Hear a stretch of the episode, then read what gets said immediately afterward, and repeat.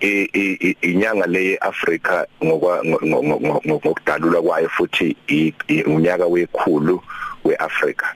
iAfrika igijima kakhulu ukuthi isize ithuthukise esibukile iGlobal Innovative Index noma Innovation Index ehambisana nokubheka amazwe eAfrika ukuthi athuthuka kanjani ayithuthukisa kanjani nanombono Afrika nawo ukuze ikwazi ukudlulela esigabeni esilandelayo sokuyithuthukisa sakwazisa ukuthi isilele emva kakhulu so sibe sibheka ngeviki edlule namazwe kakhulu kaze lifane laseKenya ukuthi izwe laseKenya liyelinye lamazwe elibonakala inqenqeza phambili kakhulu maqondana nokuyithuthukisa eh nokusebenzisa ubuchwepheshe obukhulukazi. Eh empeleni nje kuyajabulisa ukubona ezinye izinto ezenzeka emazweni ezwekazi lakithi Afrika sezikwazi ukuthi zizokwenzeka la eNingizimu Afrika. Eh uthola inkampani esuke eKenya kodwa izokwazi ukwakha eh umnotho la eNingizimu Afrika. Njenga njengale yamaselula egcine sishayela izandla efika la eNingizimu Afrika. Empeleni akuyona yakithi yale phezulu koKigali so ngamazwi into lasibuka sicabanga ukuthi into enhle ekumele ukuthi iAfrika yenze ukubhekisisa ukuthi ngasebenzisa kanjani le technology for data revolution ukuze ithuthukise.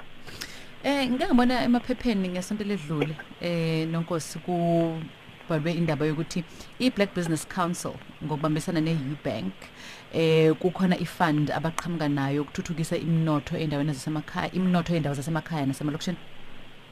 Yebo mhlawumbe iUbank lena abalaleli bazokhumbula ukuthi kwakuyibhanki okuthiwa uTepa kudala bese imine so eh lihlanganeke neBlack Business Council bakhipha imali eyisamba esicishe sithi noma bazokhipha imali eyisamba esi1 billion ukuze bathuthukise imnotho esemakhaya nesemalokishini izobhekana ke nongcebo nezinto cishe ezine eh okuqala ezobuchwepheshe okusho ukuthi amabhizinisi asemalokishini nawasemakhaya azo azothi eh mabechaza ngokohlelo labo eh azothi athande ukungena kwezobuchwepheshe azosizwa. Amabhizinisi afisa ukungena kwezemkhiqizo ukukhiqiza impahla manufacturing eh bazosiza nakhona. Bese futhi kuba ezolimo nokuhlengwa kwazo iagriculture and agro processing bazofisa futhi ukuthi bangene khona. Bese okwesine ozinhlanu okwesine kube ezokudayisa impahla kanye futhi nezenqala sizinda kanye nezokuvakasha. Kusothi izinto lezi esizwe uma bethi bemezela ukusebenza kwale mali yabo zizobhekana nazo eindaweni zasemakhaya zamalokishini ngicabanga ukuthi nangabo kuyi asishayile ihlombe kuyinto enhle kakhulu. Ukuthi iBlack Business Council njengoba sazi ukuthi inhlangano emele nemelele kakhulu sobhizinisi abamnyama ingenelele kulokho kunye neUbank ngoba ukhuvetho lungase lusiphathe kabi kakhulu eh ngaphezulu kwalolu esibhekene nalo manje le COVID-19 ilolo esihlale sikhuluma ngalolo ukuthi ukuswela umsebenzi okumele kunqandwe ngokukhulu ukusheshsha nanokuthi uma sekubekwe sesibuyele sibone sijwayelekile kufanele ngempela amathuba amaningi emisebenzi avele ukuze sikwazi ukuthuthukisa abantu bakithi. Kule misebenzi eminingi saziyo vele ukuthi izolahleka eNingizimu Afrika. Nonkosi mhlambe umuntu akafundiseke la ukuthi uma kukhulunywa ngendaba yokuthuthukiswa kwemnotho yasemakhaya endaweni zasemakhaya? Eh nasemalokishini. Kusuke kuzokwenziwani lapho kusuke kuzokwakhiwa amafem noma kusuke kuzonikezwa abantu abavele beyizamela ngeindlela ezahlukahlukene lapho balekelelwe indlela thizeni. Ngoba uyawuthi kuyakuthiwa kuza intuthuko ngoba nakuzobona kuzovula incancathela yezitolo kulandwa izitolo ezisedolobheni kakade zizosebenza la eindaweni esemalokishini noma eindaweni ezisemakhaya eh kusuke kukhulunywa ngani ngempela ngempela makuthiwa kulethwa intuthuko kuthuthukisa umnotho? Kusuke kukhulunywa nongcebo ngezinto eziningi kakhulukazi lezi bale ngenhla phakathi kwazo iBlack Business Council neUbank ezobhekana nazo ngale 1 billion. Kodwa kuleli phuzo libalule olibalayo kumele ukuthi sithi ukuthi silibuka kancane eh lento le iyahlangabezana nongcebo.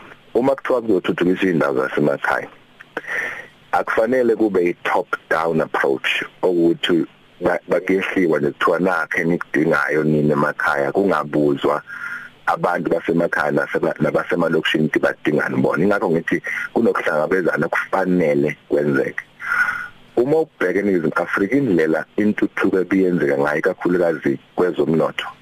Ayihambisani nokuhlangabezana nokuthi yini thina esiyidingayo kwanongoma yini esiyidingayo emlazi yini esiyidingayo lamuntu okubalekile ukuthi kufanele kungabi ukuthuthukiswa kweindawo zasemakhaya kuzothiwa na ama mall sesiyanithuthukisa impela sekuya siyenzeka intuthuko iyabonakala ngamehlo.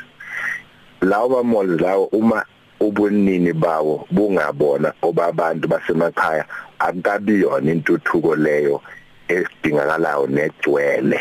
Ngesizathu sokuthi phela siqonda kahle kamhlophe ukuthi isikhathi esikuso njengama Africa eh lapho sithi sikhululekile inkululeko nje siyijabulelayo yona epolitiki kodwa inkululeko yezomnotho ilezothi uma nizoletha lama malls kufanele aownwe ngabantu bakhona emlazi. Kungabi nje kuphela eh abantu bangaphandle bezomba igolide lemali ngaphakathi ngoba eh izimbiwe imfele kodwa abantu bangaphakathi bengenabunini balezi zinto. So ke okuzobaleka ukuthi eh okokuqala abantu abazihlele bona uqobo bese beletha icelo zabo ezisho ukuthi ngisho nakuyi retail le noma kuyi wholesale siyabona abantu bangaphandle bayayitika yonke into eyenzekalayo eh ekusidayiseleni ngisho usimende nazo zonke izinto. Kodwa thina kuphi lapho sihlanganise khona ukuthi lezi imali aziwele phezulu kombono?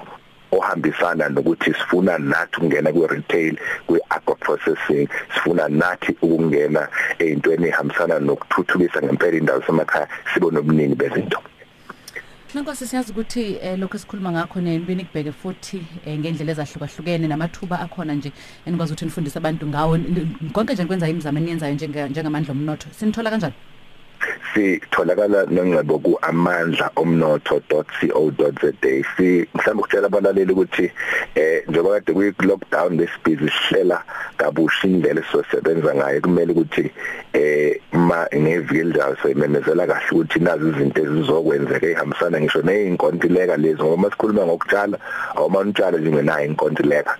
Fanele kuneinkontileka ezintsha esilungisile nazo zonke izinto lokho esasithi siyingi sezomnotho entrepreneurial ecosystem esikwakhayo. So inombolo ye WhatsApp ithi 0822 52217 iwebsite nonkosi ithi www.amandlaomnotho.co.za Shwabata Nkosazana 8 o'clock?